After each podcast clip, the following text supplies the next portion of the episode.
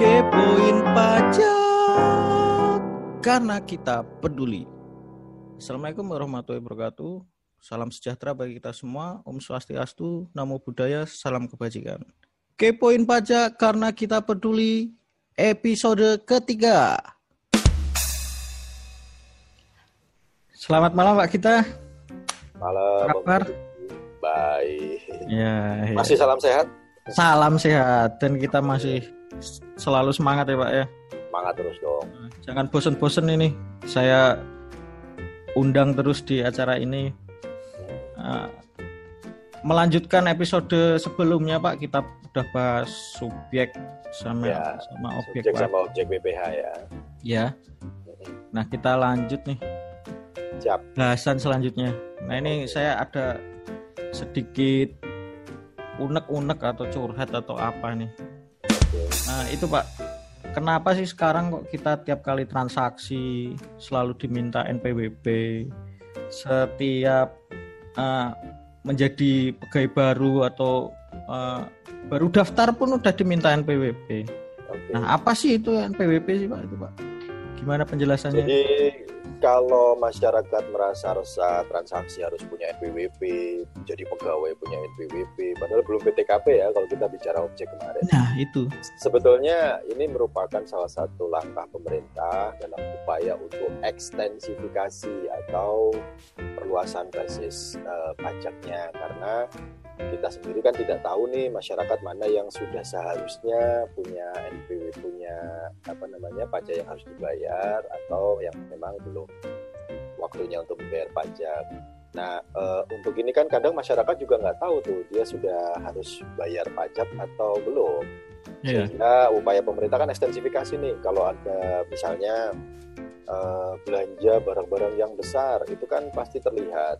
Beli rumah misalnya kalau nggak punya penghasilan nggak mungkin dia bisa beli rumah. Berarti kan seharusnya dia punya NPWP kalau sudah punya ya tinggal didaftarkan tinggal disertakan infonya gitu ya. Tapi kalau belum berarti satu peringat satu langkah pemerintah untuk mengingatkan bahwa ada kewajiban pajak yang harus dipenuhi secara undang-undang jadi itu di awal supaya eh, ekstensifikasi ya. Nah ini kan ujung-ujungnya sebenarnya untuk penerimaan negara yang nanti akan digunakan buat kita semua juga. Gitu. Oh iya, iya Pak. Jadi ya jangan takut lah, jangan khawatir. Tidak selalu punya NPWP harus bayar pajak. Bayar pajak sekali lagi sesuai dengan ketentuan. Ada aturannya, ada tarifnya. Kalau nggak paham bisa bertanya kepada pegawai pajak Ya. KPP. Gitu. NPWP itu kan singkatan dari itu ya Pak. ya? Nomor pokok Nomor wajib pokok. pajak. Wajib pajak. Nomor. betul. Berarti ini hmm, nomornya subjek pajak gitu ya. Iya, Kalau ya. secara simpelnya gitu. Ya, dia eh, seperti eh, NIK ya, nomor induk kependudukan. Kan kita Hmm. punya masing-masing itu kode unik. Jadi tidak akan sama setiap subjek pajak nomor NPWP-nya pasti berbeda. Ini kan supaya tidak tertukar gitu kan. Sehingga ini bisa jadi salah satu alat administratif yang digunakan oleh negara kita untuk mengenali identitas siapa eh, pembayar pajaknya. Kalau memang ada yang harus dibayar sekali lagi ya, Oh. jangan takut gitu. Unik Pak ya. Kode unik, dia ada algoritma tertentu mas di. eh, Suami istri nah kalau beda juga. yang perlu ditekankan memang masih banyak yang suami punya NPWP sendiri, istri punya NPWP sendiri. Ini kan karena dulunya istri belum menikah dengan si suami sehingga dia punya NPWP sebagai pegawai atau sebagai pengusaha. Mm-mm. Nah, pada saat sudah menikah, mestinya hanya NPWP suami yang penting. Jadi NPWP istri dihapus saja mengikuti NPWP suami. Kecuali istri memang menghendaki untuk melakukan kewajiban perpajakan sendiri. Cuma kalau udah jadi suami istri ya sudahlah jadi satu aja. Kan rumahnya jadi satu, ya kan? Wah iya benar juga. Saling percaya aja ya Pak ya. Iya, ini kan eh, di undang-undang perpajakan kita itu sebenarnya menganggap satu keluarga itu sebagai satu kesatuan ekonomis, satu entitas lah. Jadi ya udah sama aja. Masa istrinya nggak ngobrol dapat penghasilan? Kan pepatahnya bilang uang suami itu uang istri, jadi sama aja dilaporin. Nah kecuali uang ini kalau ya. ini kalau sama-sama kerja nih Pak ya, sama-sama kerja, sama-sama Betul. punya penghasilan gitu ya. Ya. Kalau salah satu yang nggak punya ya ya udah gitu nggak nggak perlu NPWP 2 gitu juga atau Enggak, intinya gitu. Satu keluarga satu NPWP cukup. Bahkan kemarin kalau kita bicara di penghasilan kan ada anak tuh. Kalau Hmm. anaknya jadi artis, itu juga pakai NPWP ayahnya, jadi satu saja.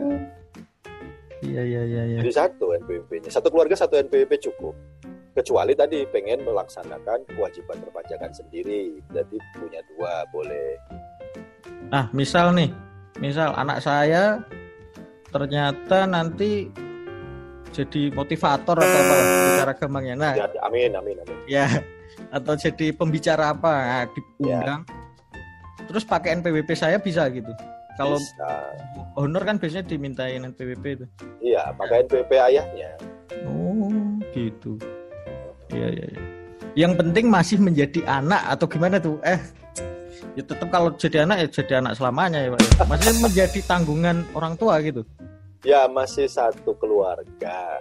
Lebih Nah, kalau dia menikah ya udah lepas baru gitu ya. Betul. Anak yang belum dewasa itu dalam pengampuan orang tua. Mm. Siap. Nah, terus setelah si subjek pajak ini punya NPWP, kewajibannya apa, Pak? Yang pasti setelah mempunyai NPWP harus melaporkan, melaporkan penghasilannya. Mm-mm. Kalaupun tidak ada penghasilan, tetap harus dilaporkan. Kok ribet gitu ya? Nah, kalau nggak dilaporkan dari mana taunya? Berarti kan memang harus lapor. Kalau tidak lapor kan nggak ketahuan bahwa dia nggak punya penghasilan. Jadi kewajiban utama saat punya NPWP adalah melaporkan. Apabila dia punya penghasilan, maka harus melaporkan penyetorannya berapa, kekurangan pajaknya berapa kalau ada. Ya. Kalaupun justru juga dengan NPWP jika kayak tadi kan ada artis, artis itu penghasilannya tidak tetap. Jadi dia diberi penghasilan oleh yang eh, menyewa atau menggunakan jasa artisnya. Nah kalau seperti itu maka yang memotong penghasilannya harus melaporkan yang dipotong, nanti si artis mendapat bukti potong. Mm-mm. Kalau dihitung di akhir tahun penghasilan setahunnya ternyata kelebihan dipotong, NPWP menjadi salah satu alat administratif untuk meminta pengembalian kelebihan pembayaran pajak. Jadi itu fungsi NPWP juga seperti itu juga, selain untuk melaporkan juga eh, digunakan sebagai alat administrasi seperti meminta restitusi tadi. Ya. Nah, kartunya itu fungsinya sebenarnya bukan kartunya ya, Pak ya. Nomornya ya. Nah, ini sifatnya berbeda dengan KTP ya. KTP. Nah, kalau Hmm. KTP kan memang identitasnya sampai ke wajah.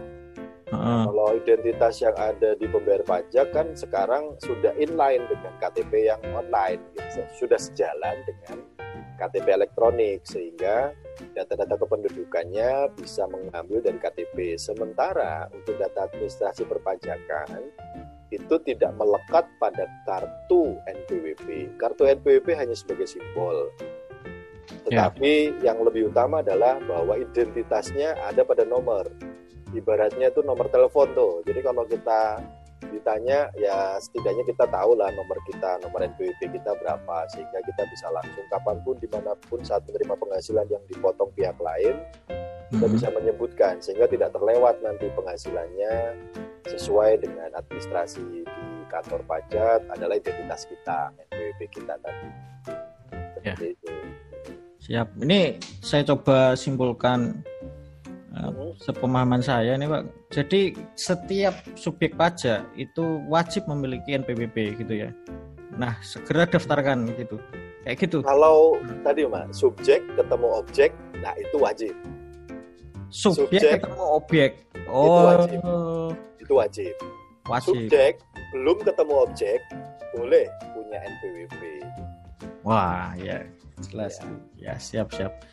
Jadi bagi kawan Puspa yang belum punya NPWP yang tadi tuh yang kriteria udah disampaikan Pak Gita segera ke kantor pajak terdekat gitu ya Pak ya. Untuk mendaftar, pendaftaran Nah. bisa dilakukan secara online. Sekarang kan sudah ada fasilitas yang sifatnya online. Dari dulu sebelum ada pandemi sih sebetulnya sudah bisa online. Bisa online. Pembuatan NPWP secara online.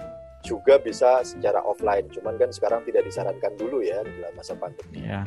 Kalau secara offline ya tinggal datang di kantor pelayanan Oh. pajak tempat kita tinggal. Langsung ke sana bawa data identitas diri, KTP nanti ada formulir yang harus diisi dan per- perlengkapan lainnya atau persyaratan lainnya. Ya. Jadi eh, mudah kok. Atau kalau enggak nanti telepon aja ke kering pajak ya. Ya. Satu lima ratus dua ratus itu kan sudah terdaftar apa eh, sudah ada di media massa internet juga ada. Ya Pak, terima kasih nih ya Pak buat penjelasannya ini cukup jelas nih. Saya yakin kawan Puspa juga jelas sama penjelasan dari Pak Gita gitu. Iya. Mudah-mudahan, mudah-mudahan terbantu.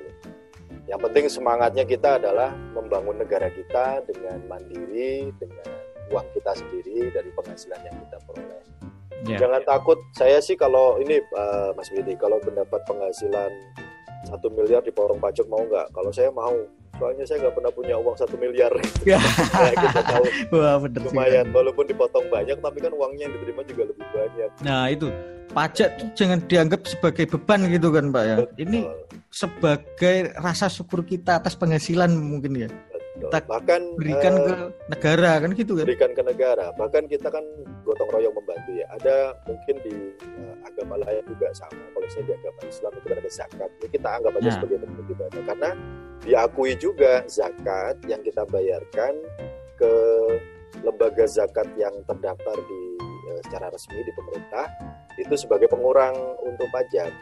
Oh ya. Jadi kita bisa eh, meng, apa namanya istilahnya eh, zakat sebagai salah satu pembayaran pajak. Ya, Gitu. Siap. Siap. Terima kasih Pak Sama-sama. atas penjelasan di episode ini. Mudah-mudahan kawan Puspa terbantu ya pemahaman. Ya. Dan untuk Siap. jangan lupa nih kawan Puspa kalau ada pertanyaan bisa langsung ke kolom komentar langsung langsung tanya aja nanti eh, admin jawab atau kita akan kalau pembahasannya cukup eh, detail cukup Ya. dalam kita akan bahas di episode selanjutnya. Seperti itu ya Iya. Pak ya. Siap. Ya, terima kasih. Ya, Salam sehat Pak. Salam sehat.